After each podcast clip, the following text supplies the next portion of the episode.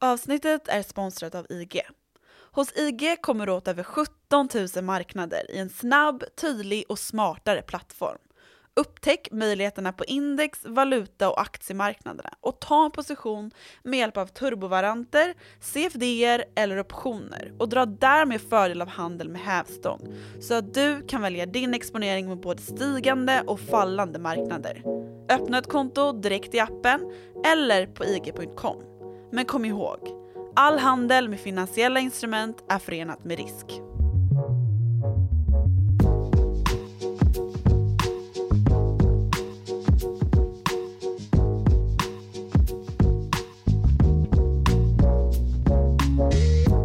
Stormakten USA har förlorat sitt längsta krig och sällar sig nu till raden av imperier som gått till Afghanistan för att dö. Rubriker av den arten prydde tidningssidor och nyhetssändningar i länder betraktade som USAs rivaler i kampen om att sätta dagordningen för världsherraväldet nu efter att Kabul fallit i händerna på talibanerna söndagen den 15 augusti 2021. Går att hävda att den Biden-doktrin som anammats i Afghanistan, denna elefantkyrkogård för imperier, blir slutpunkten för vad som sedan andra världskrigets slut kommit att kallas för Pax Americana? Vad väntar nu för afghanerna under överinseendet av den kvinnoförtryckande islamistregim som också härbärgerade de terrorister som kom att prägla synen på terrorism efter attackerna mot World Trade Center den 11 september 2001? Det här är i alla fall Follow the Money, en podcast om makt, storfinans och börsen av med mig, programledare Martin Nilsson och utrikesredaktör Rönning som idag, fyra månader senare, återvänder till Centralasien. Läget Ja. med dig? Eh, bra. Fyra månader senare ja. F- eh, vi gjorde ett avsnitt om Afghanistan då och just att det är eh, som synes en elefantkyrkogård för imperier och det har det varit ända sedan Alexander den store brukar man säga för han gick dit och eh, såg sitt imperie falla. Mm. Eh, det har även Sovjet gjort och, och nu också USA då nått vägs ände här sedan eh, Kabul som sagt föll i händerna på talibanerna här på söndagen den 15 augusti. Och det här har ju varit en snabb händelseutveckling Mm. som nog ingen hade kunnat förutspå hur snabb den egentligen skulle komma att bli. För det är då i april 2021 som Biden bestämmer sig för att slå in på samma spår som sin föregångare Donald Trump och då dra tillbaka de amerikanska trupperna från Afghanistan helt och hållet och där har man ju varit sedan 2001 när man skulle leta rätt på Osama bin Laden som beskylldes för World Trade Center-attackerna. Han är alltså inte taliban, det ska man vara noga med att säga tidigt. Vi kan ju dra tillbaka klockan lite grann senare, men jag vill först gå igenom den här händelseutvecklingen eh, som nu har varit mest akut då. Mm. Eh, för det här beskedet som Biden gav då i april var att från och med den 1 maj så skulle USA börja dra tillbaka trupperna då, skjutsa hem de kvarvarande och det har då varit primärt övervakningstjänster man har ägnat sig åt och låtit de afghanska regeringstrupperna ta striden mot talibanerna och andra terrororganisationer som, som eh, härbärgeras då under talibanflaggan. Mm. Så det finns inga amerikanska dödsfall registrerade bland soldaterna de senaste ett och ett halvt åren här. Utan det har främst varit liksom administration, logistik, eh, luftunderstöd, sådana tjänster som amerikansk, amerikanska förband och amerikanska legosoldater som det ju ofta handlar om nu mer när det är krig i främmande land för USAs räkning. Som har, de har stått för den typen av tjänster då till de afghanska regeringstrupperna. Och hur, eh, hur har egentligen debatten lydit inför det här? Hur togs det emot att man skulle dra tillbaks Ja, men det är ju ett forever war och det har ju ända sedan Donald Trump inledde sin valkampanj 2015 varit inne på liksom att det här med amerikanska evighetskrig, det har vi inte råd med liksom. Det, varför, varför ska vi hålla på med sånt? Mm. Vad, vad ger det oss? Vad, vad skapar det för mervärde liksom för vad, både oss och världen?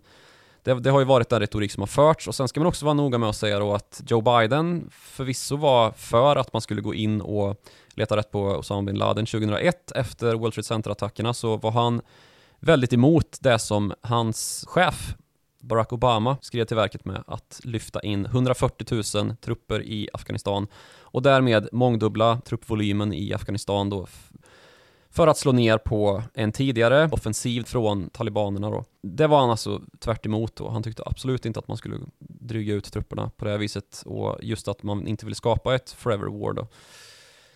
Och nu valde han alltså att göra så som eh, hans föregångare Donald Trump hade stiftat att eh, dra tillbaka trupperna och det, det var då ett tillbakadragande som skulle genomföras mellan maj och september. Just den 11 september faktiskt. Av någon konstig anledning så har det blivit ett viktigt datum för just det här med tillbakadragandet från Afghanistan. Eh, för ett par år sedan så var Donald Trump till och med inne på att han skulle ta talibaner till Camp David och där skriva någon sorts fredsfördrag då där man drar tillbaka styrkorna. Och Första maj då blev ju en brytpunkt för när man började ta hem trupper och redan den 4 maj så inleder då talibanerna nästa offensiv. Och den här offensiven har ju pågått sedan dess och redan i juni, bara en månad efter att man har inlett de här, eh, den här offensiven, så börjar man ta mark i norra Afghanistan och det är då uppseendeväckande för att de så kallade klan, klanområdena där talibanerna har gömt sig och kunnat eh, ha en ganska så intakt maktposition även när truppvolymen har varit hög, den ligger i syd. Mm. Så de bergiga områdena i norr har man alltså då redan i juni, en och en halv månad efter att amerikanerna har dragit tillbaka sina, börjat, dra- börjat dra tillbaka sina styrkor, tagit kontrollen över. Och sen så har man sköljt då som en våg både söder och väster och norrifrån in mot Kabul och där har man ju då haft, i alla fall skenbart haft en stark truppansamling av just afghanska regeringstrupper då och sett att ja, men det, här, det här är en, kanske den sista bastionen, men en väldigt stark bastion då som kan um, inleda en, en motoffensiv då och börja ta tillbaka en del områden och kanske ändå skapa någon typ av utrymme för att ha en demokratiskt sinnad regering kvar i Kabul då, och kanske kunna börja förhandla med talibanerna om att ha någon sorts övergångs ska man säga, hybridregering då där man ja, man går talibanerna till mötes på vissa av deras religiösa krav och så och så låter de ändå demokratin fungera på något sätt. Problemet är ju bara den skenande korruptionen som finns i Afghanistan och den är välkänd sedan 2019 när då de så kallade Pentagon Papers släpptes i USA. Och det var då en läcka från en rapport som skrivits av en myndighet som insats i USA för att man skulle recensera den eh, återuppbyggnad som gjorts av Afghanistan då sen, sen kriget inleddes 2001. Att man alltså försökte införa demokrati i Afghanistan. Och i den här rapporten så framgår det att den amerikanska befolkningen och de amerikanska politikerna har blivit blåsta i Afghanistan. Det finns helt enkelt inget fog att säga att det pågår en demokratisk uppbyggnad, ett, liksom en central eh, styrning som, som kavlas ut i de här klanområdena och i den eh, sunnimuslimskt extremistiska miljö som finns i Afghanistan. Utan det här är en chimär.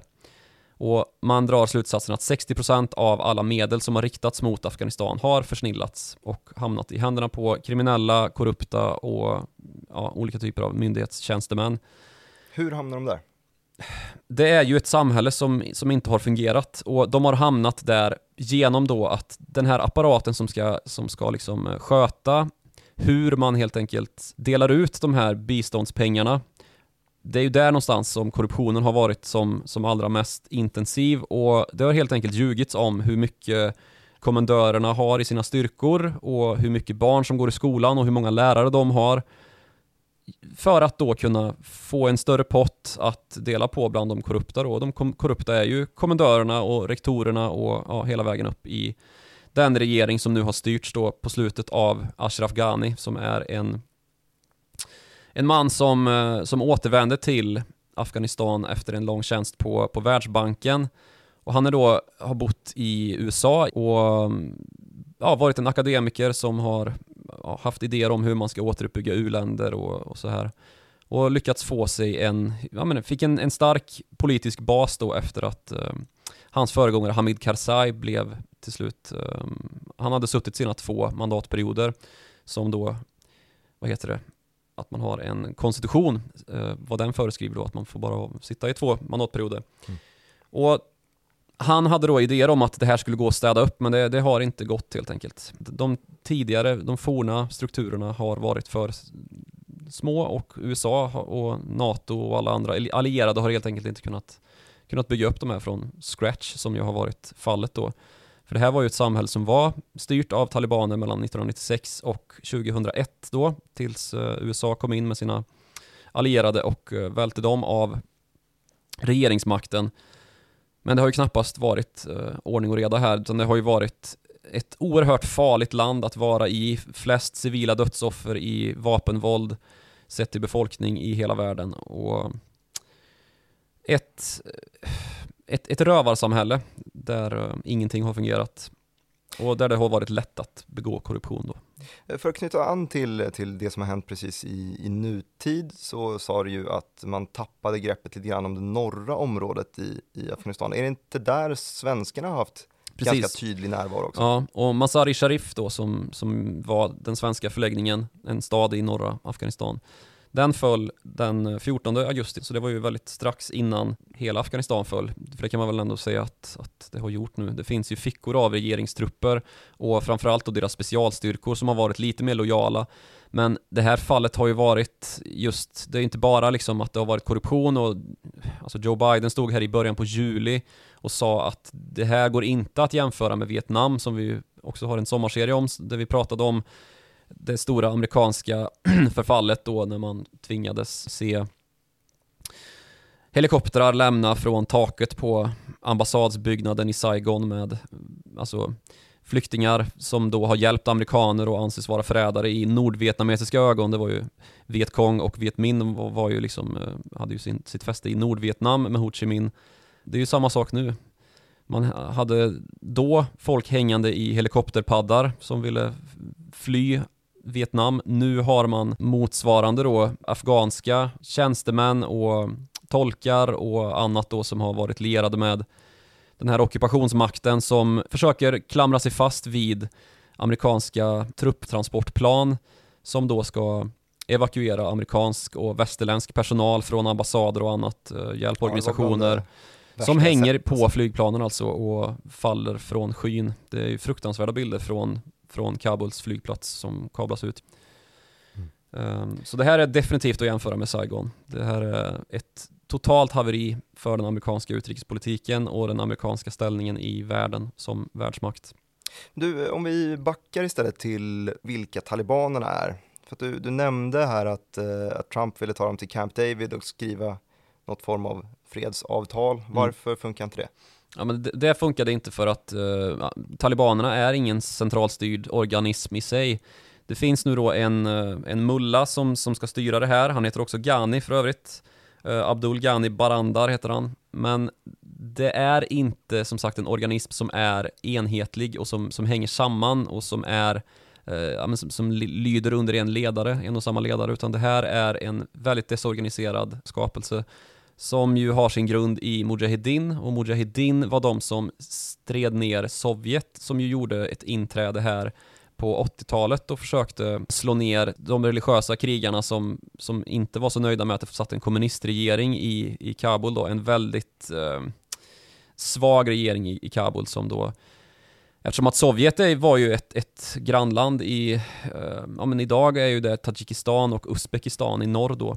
Så man ville inte ha de här islamistiska fundamentalisterna inne på sin gräns.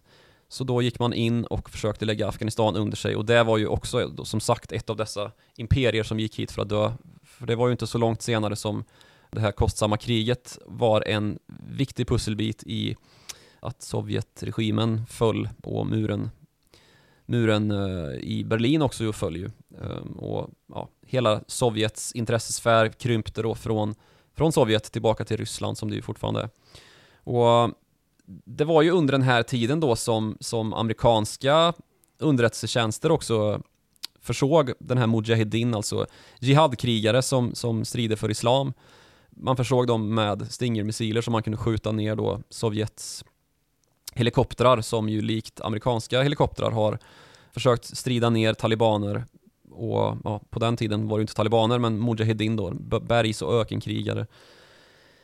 När då Mujahedin utrustades med Stinger-missiler så blev det till slut övermäktigt. Problemet var ju bara då att man inte fortsatte att utrusta um, det här landet med Ehm, medel för att upprätta skolor och stabiliserande åtgärder utan man såg till att Mujahedin fick ehm, ja, från madrassorna i Pakistan då eh, bilda det som sen kom att bli talibanrörelsen. Och det här är ju män som aldrig levde i närheten av kvinnor i mångt och mycket som att de var gömda i bergen och stred mot Sovjettrupper. Eh, så det har ju blivit en nästan psykotisk rörelse av psykotisk tolkning av islam där man väldigt aktivt ser ner på kvinnor och det är ju det Afghanistans styre mellan 96 och 2001 då när talibanerna regerade har varit som mest känt för då att kvinnor ska bära burka och vistas i hemmet. Får inte jobba, får inte ha några friheter och rättigheter överhuvudtaget, får inte vistas ute utan en målsman i form av då en pappa, en make eller en bror. Och det är den frågan som nu återigen fiskas upp då som den kanske allra viktigaste. Vad händer med Afghanistans kvinnor och flickor som nu, nu dessutom har haft möjligheten i, i alla fall i storstaden Kabul då, att utbilda sig. Det finns kvinnor som, som inte var födda än som under 2001 då när tornen föll som nu har en universitetsexamen. Vad, vad händer med dem liksom? Eh, det är väl den största tragedin, men sen så har vi också en, en rad liksom rippeleffekter som vi kan tänka se på den här vad ska man kalla det egentligen? En pervers islamistisk terrorrörelse som vi inte har sett sedan eh, IS. Och sen så pratas det en del om i, i eh, på utrikessidor och i opinionstexter i, i USA bland annat då om att det här är ju inte en rörelse som har varit särskilt aktiv utomlands, talibanerna alltså, och det stämmer ju. Problemet är ju bara de här andra terrorgrupperna som, som eh, huseras i Afghanistan. Bland annat då just Al-Qaida som ju Osama bin Laden var eh, ledaren för och han som då har beskyllts för att ha initierat de här attackerna och planerat dem mot World Trade Center. Och terror är ju någonting som blir ett, ett liksom ledord i vad vi har att vänta oss nu. Um, de kommer ju ha råd med den här arrogansen som vi inte har sett sedan IS skapades, Islamiska staten. Om vi lärt oss en enda sak av terrorismen under 2000-talet så är det ju att terrorism som frodas i Afghanistan eller Mellanöstern, eh, Centralasien överhuvudtaget inte stannar där. Framförallt inte i Afghanistan då, där talibanerna ju har varit liksom en, en rörelse som har skyddat terrororganisationer och eh, alltså vi såg den händelseutvecklingen eh, efter att USA lämnade Irak, att just terrorn fick ett nytt fäste. Fängelsen tömdes och utströmmade vad som kom att bli då den här nyetablerade terrormilisen som kom att kallas för IS. Då var det fråga om Syrien, att man välde in i Syrien som var det destabiliserade landet där eh, i närheten, utöver Irak då, där ju IS har sitt, eh, liksom, sin grund. Det här är um, snarast kanske fråga om andra organisationer som, som är liknande IS men som kanske inte har samma folkmassa att röra sig med, alltså samma stora armé att röra sig med. Nu har man ju, precis som var fallet med IS, lagt under sig en massa eh, militärmateriel och vapen. Till och med liksom ett, ett ja, man har ju flyg nu, det är ju helt absurt i sig. Nu är frågan hur länge de kommer gå att köra och, och att det, det finns ju knappast liksom träning för att, att bemanna de här flygplanen liksom som, som nu finns i Afghanistan. Men det är, det är lite början på vad som skulle gå att kalla för liksom en, en, ett mardrömsscenario för USA. Precis som det var när man lämnade Irak och där lät eh, militärmateriel stå kvar för flera miljarder dollar som då hamnade i händerna på terrororganisationen. Det här är ju, det här är ju liksom en karbonkopia på det. Och um, det man ska säga om det då kanske är att som sagt, talibanerna har ju inte varit en utåtriktad organisation som velat lägga under sig andra områden i närregionen utan främst då Afghanistan och eventuellt också då Pakistan. Så dit kommer ju väldigt mycket fokus riktas härifrån vad som händer med Pakistan för det är också ett land där det finns en stor pashtunsk befolkning. Precis som då att talibanerna är en pashtunsk rörelse så finns det ju en stor anledning att tro att den här önskan om att få regeringsmakt också kommer sprida sig över den här oerhört porösa gränsen som har varit ja, men icke befintlig för talibanerna i eh, årtionden. Mm. Uh, och att man då kommer, kommer liksom famla efter makten i Islamabad precis som man gör, gjort nu i, uh, i Kabul. Eh, två stycken frågor som, som dyker upp och den första är egentligen, finns det fog för den här tanken som vi vädrade i inledningen här att det här är en elefantkyrkogård för, för imperier, Afghanistan. Eh, är det så, eller vilka fog finns det för att säga att USA nu genom det här på något sätt har tappat sin del i världsordningen? Att Pax Americana är ju upplöst i i Afghanistan, absolut, de har ingen, ingen maktinflytande där längre, men är det verkligen ett bevis på att de har tappat sin, sin position i, i världen? Ja, alltså det man får fråga, den man får fråga det är väl USAs övriga allierade för Afghanistan har ju varit en allierad till USA, alltså den eh, centralregering som aldrig har funkat i Kabul då och ut i övriga regioner. Eh, det har ju varit en, en stark allierad till USA eftersom att USA helt har dikterat villkoren tills dess att man nu lämnar och allting faller samman. Um, och just att man lämnar är ju där man får, får ställa sig frågan till då som allierad. Vad är det, det här amerikanska beskyddet värt egentligen? Och då finns det ju flera regioner och länder som är helt beroende av amerikanskt beskydd för sitt eh, existensberättigande. Och då pratar vi om Baltikum, om vi ska börja i närheten av oss själva. Vi har Ukraina som ju också behöver det amerikanska biståndet för att klara sig mot eh, ja, men sitt eget inbördeskrig i eh, Luhansk och Donetsk-regionen och ehm, ja, men hela östra delen som ju vetter mot Ryssland. Vi har eh, Sydkorea som ju har en lösning som kanske hade varit att föredra även i Afghanistan. Att visst, man är trött på krig, men nu har det ju inte varit ett krig i Afghanistan som har drabbat amerikaner direkt. Det har ju kanske varit kostsamt, men framförallt bakåt i tiden. Man har ju lagt över 2000 miljarder dollar på det här kriget. Men det är under en 20-årsperiod och nu har man ju bantat ner sin, sitt engagemang väsentligt och den infrastruktur man har haft har ju varit där redan. Så det är ju lite av en sankkost som vi pratade om i förra avsnittet om Afghanistan då, att man får ju bara gå vidare från att man har bränt en massa pengar här och kanske försöka göra det bästa av situationen därifrån. Nu har man ju bara packat ihop och lämnat här. Istället då för att göra som man gjorde i Korea, att man lät sig ha en position som, som fredsuppehållare och ja, men, att, att bidra till säkerheten i regionen. Och sen så har vi ju vår tids, alltså mest väsentliga fråga för just liksom, finansvärlden och den, den, globala ekonomin, alltså Taiwan då. Som vi ska förse hela världen med halvledare, alltså chip då som behövs till princip allt.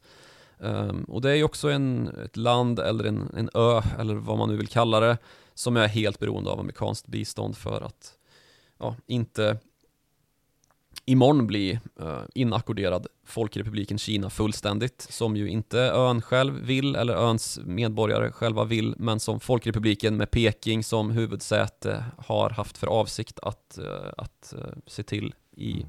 Ja, det blir 1947. ju följdfrågan på det här också just då. Vem tar istället första platsen och hur ser det ut när man eventuellt tar en första plats? Finns det, jag vet att vi har pratat om det tidigare, att det finns kinesiskt intresse av mm. och det är landvägen med... eftersom att de är ja, absolut. med Afghanistan. Men... Innan vi börjar prata om landvägen och den gamla sidenvägen som vi alltid pratar om så vill jag också säga liksom att det här spelar ju rakt i händerna på uh, det som sades i introt här att, att amerikanska Eh, Eh, imperiet har gått till Afghanistan för att dö också, precis som alla andra stora imperier har gjort de senaste tusentals åren, så är ju det här en, en fråga om vad som proklameras av andra länder och vilka aktörer som eh, man väljer att, att ty sig till när det bränner till liksom. Och det här är ju precis det som, som Ryssland och Kina förespråkar liksom. Att USAs världsherravälde, det är på väg att dö. Det är ett imperium på decline liksom. Så på det sättet så, så, spelar det ju rakt i händerna på USAs egentliga fiender, både handelsmässigt och diplomatiskt, politiskt liksom. Sen vad det gäller sidenvägen så har ju Afghanistan varit lite av en, liksom, en, en, vad ska man säga, en svart punkt i det som ska bli det här stora infrastrukturprojektet som ska med kinesiska byggföretag kavla ut en infrastruktur då över hela den här regionen, Centralasien, södra Asien, eh, ner mot Mellanöstern, in i Europa så, ja men som sagt, det här har varit en svart punkt för att USA har ju haft herraväldet här och det har ju knappast varit på tal då att man ska låta Kina bete sig precis hur man vill här och liksom skuldsätta redan skuldsatta nationer och få dem precis i sina ledband så att de kan göra som man vill då, och utveckla sin intressesfär. Så, alltså Kina är ju det första landet i kön då att säga, ja, vi erkänner talibanerna som den nya regeringen i Kabul liksom. Och redan innan det här mest akuta skedet tog skruv ordentligt så, så anordnades det möten mellan eh, Wang Yi som ju är utrikesminister i Kina och nämnde Mullah Abdul Ghani Baradar. Så det är ju ganska tydligt vart det här är på väg att barka. Det är ju ett helt annat grepp i alla fall. Från Ja. att påtvingad västerländsk demokrati med Precis. lite kapitalistiska incitament till istället att erkänna den förkastliga regeringen som man kanske i sig inte gillar för jag vet ju att man man fightas ju Precis. väldigt hårt i Xinjiang-provinsen mot just eh, extrem isla islamism. Ja, Från, eh, vad man själv hävdar är is- extrem islamism. Sen så är det väl lite si och så hur det, hur det ligger till med det där. Det finns ju inslag av det uh, bakåt i tiden, men det, det jag menar i alla fall att det finns ju inga Ja. tydliga eh, Nej, det, det, fin- det är ju, det är ju tudelat det här. Det är ju så att Kina är också ett grannland till Afghanistan. Det är en liten landkorridor som går just ner till Xinjiang då och som Kina tidigare i, i historien har varit ganska så noggranna med att eh, att skydda då den här gränsen så att det inte blir en sån här porös gräns som det har varit mellan Pakistan och Afghanistan då att talibaner och andra extremister, alltså jihadister, kan färdas fritt in och ut här. Precis som till grannländer som Uzbekistan och, och Tadzjikistan då.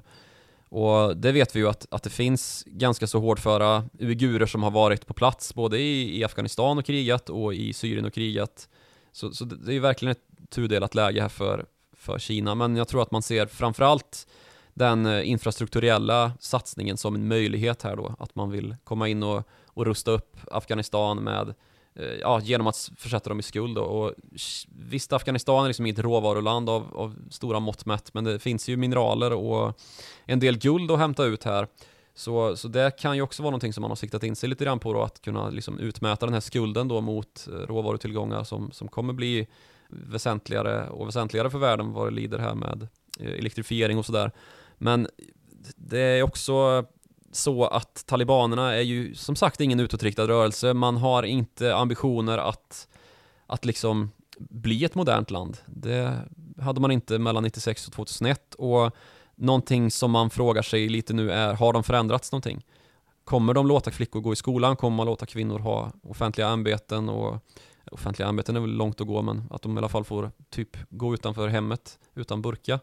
Um, initialt nu så har de ju proklamerat det i alla fall, men det återstår ju verkligen att se. För vi har ju samtidigt sett spöstraff på kvinnor och vi har sett eh, alltså regimtrogna eh, då under ockupationsmakt mördas ja, helt urskillningslöst i, i liksom vägen fram till Kabul här. Och det finns ju, det är ju bara att titta på de här bilderna från Kabuls flygplats och se vad, varför tror man att de är så rädda. Det är ju barbarit som väntar. Sen så finns det ju andra grannländer också som kanske ska tas upp då. Då har vi bland annat USAs ärkefiende Iran, som ju kanske är nöjda med att se eh, USA få stryk i sitt längsta krig. Samtidigt så är man då en shia-muslimsk makt som på något vis borde vara eh, hysa känslor för hazarerna som är då ett, ett annat folk som, som just är väldigt mangranna i Kabulregionen, centrala delarna av Afghanistan. Och det är ju de som framförallt nu står på, på flygfältsrakan i, på Kabuls flygplats och, och hoppas på att få en plats liksom.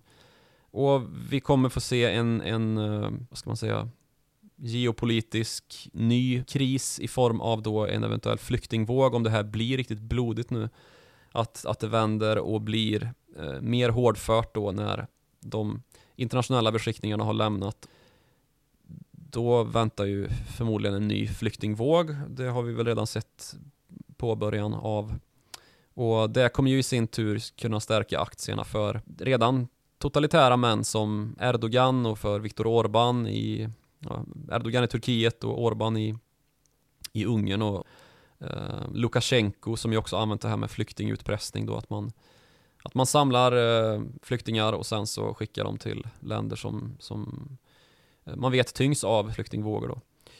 Ehm, och det skapar ju populism och eh, en grogrund för hat i Europa och ytterligare destabilisering av det som, det som man vill Du, kontrollera österifrån då. när vi snackar gränser här så har vi ju en tydlig, som vi har pratat om flera gånger i avsnittet redan, den porösa gränsen Mm. mot Pakistan, just där vi har haft talibangömmor eh, och som har till synes ganska obehindrat rört sig fram och tillbaka mellan länderna, att gränserna inte riktigt Ja. betyder så Jo, alltså mycket. Pakistan har ju härbärgerat eh, talibaner helt liksom. Är det inte öppet. tänkbart att det är ett, ett nästa steg på något sätt? Om man Ja, har precis. då tagit makten av Afghanistan. På tal om dubbelbottnat så blir det ju verkligen det för, för Pakistan nu då när, när talibanerna verkligen är i besittning i Afghanistan För där har man ju inte velat se en, en sekulär regering som eh, närmaste fienden då i form av Indien ska kunna ha någon, någon sorts maktinflytande över genom att USA då ju är en allierad till Indien. Just för där har vi något form av nästan trefrontskrig. Ja, precis. Det blir ju väldigt rörigt det här för, för USA och Pakistan har ju också en hel del alliansmakt, liksom, eller ja, vad ska man säga, allianstäthet. Men här vänds det ju nu på brädet då att eh, sekulära krafter i, i Pakistan då kanske blir kuvade av en allt mer extremistisk våg som har fått råg i ryggen av den här framgången i Afghanistan då. Och om det skulle tas till sin spets då, att vi får taliban eh, massinflytande i en pakistansk regering Alltså en regering som herbergerar inte bara talibaner, eller har härbärgerat talibaner Utan också har kärnvapen, precis som då grannen och eh, ärkefienden Indien har. Eh, Och där man då träter om den här gränsregionen Kashmir eh, Det är därför man har kärnvapen. Då har vi ju en potentiell geopolitisk mardröm framför oss om det då ska bli utöver den här ockupationsmakt i form av då att man nästan jämför tillbaka till Kristi korsfarare liksom att man också får hinduisk nationalism att kasta in i den här kitten av känslor och eh, ja, då, då kanske det blir för mycket och, och det till slut eh, ja, blir en, liksom en, en historia som vi aldrig kommer kunna underskatta helt och hållet. Mm. Så hur, hur tolkar då? Det är ju en jäkla massa pusselbitar, det förstår jag. Eh, och det är väl bara att se lite grann vad utfallet kommer bli och vart det här kommer ta vägen. Men eh, hur tolkar ekonomin det hela? Du som sitter som utrikesredaktör och har ögonen på det här, men med ena handen så bläddrar du ju fram typ räntetabeller och så vidare. Hur, eh, hur har ekonomin reagerat på något Nej. sätt? Det, alltså, det är ju, det är ju, det är ju givet vad som händer nu först och främst då. Börsen reagerar inte överhuvudtaget på sådana här nyheter. Det som skulle kunna liksom rubba kompassnålen lite grann skulle ju kunna vara då om vi till exempel såg att flera av de här länderna som, som är USA helt beroende för att rättfärdiga sig själva, beroende av USA för sin egen säkerhet, om de skulle börja bulla upp i sina budgetar med att då um, ja, men lägga större andel på försvaret då för att skydda sig själva snarare än liksom förlita sig på, på USA. Uh, det skulle ju kunna påverka då de klassiska vapentillverkarna. Folk, eh, eller stater lägger större del av sin budget ja. på, på stridsflygplan och annat liksom. Mm. För att skydda sig då från där man har varit ganska så säkra på att, att det här kommer ju USA hjälpa oss med. Mm. Uh, och att de redan gör det till och med. Liksom att det finns ju amerikanska beskickningar och amerikansk trupp i alla de här länderna som vi räknade upp och det skulle ju kunna bidra kanske till eh, det här deppiga eh, vapenindexets framfart. Eh, men annars så är det väl just nu en fråga om den mest akuta utvecklingen och där är vi ju förbi nu att talibanerna har ju tagit makten liksom. Det finns inte något som, som stoppar det. Och det är ju ingen som är intresserad av en ny invasion här eller vad man ska säga det här är ju, det här är ju ett sånt totalfiasko för amerikansk räkning och de här 300 000 soldaterna som, som Joe Biden stod och gastade om i, i juli här, det var ju de gav ju bara upp. De, det var, det var inte 300 000 till att börja med. Korruption istället. Det var, ju, det var ju spöksoldater som man har pratat en hel del om, eh, precis som det finns spökelever och spöklärare. Och de här spöksoldaterna, ja, de som inte var spöksoldater, de de eh, hade ju ganska låg moral överlag och det ja, bet inte ifrån överhuvudtaget när talibanerna väl kom på plats och började skjuta med sina kalasjnikovs. Mm. Um, så vi får väl se vart det landar med eh, de allierade och om de här rubrikerna får fäste om att då USAs Pax Americana, och det ska man också förtydliga då att Pax Americana det är ju idén om att USA har sitt oinskränkta inflytande, att man når överallt med sin ekonomi, det har vi dollarn, att man når överallt med sina stridsflygplan från alla de här kärnkraftsdrivna hangarfartygen och att man eh, utöver det också har liksom ett kulturellt eh, herravälde via Hollywood och internet och, och dessutom då vad gäller diplomatin och det var ju lite Joe Bidens liksom första inspel när han satte sig till bords med några internationella motsvarigheter som, som Japans premiärminister och sådär, att man sa att det var skönt att vara tillbaka i liksom ledarstolen som från amerikanskt håll då. Att America is back kanske har liksom fått sig en törn i och med det här. Det verkar ju inte riktigt... Ja. Fiaskot är bra mycket större än vad någon hade kunnat tro alltså. Och just det här med att, att eh, det togs upp då på den här presskonferensen där han pratade om 300 000 när den här talibanska offensiven inleddes och verkligen fick fart där i, i juni-juli och han slog bort då med att det här är inte ett nytt Saigon, det går inte att jämföra talibanerna med eh, Nordvietnams armé och det går inte att jämföra flykten från Saigon och ambassadstaket med sydvietnameser hängande i helikopterpaddarna med vad som är på väg att hända i Afghanistan och så blev det ju typ, Exakt det. ja eller värre till och med. Det är, ju- ja. Ja, hemska bilder som sagt. Eh, tack så mycket för att ni har eh, tagit er tiden att lyssna på vår eh, extrainsatta podd. Eh, ni når oss allra bäst på followthemoney.direkt.se. Man kan också eh, hojta till oss via Twitter. Då når man utrikesredaktören på snabel Joakim Ronning och mig når man på snabel direkt Martin. Vi är tillbaks ganska snart igen. Tack så mycket för att ni lyssnar och ha det så bra.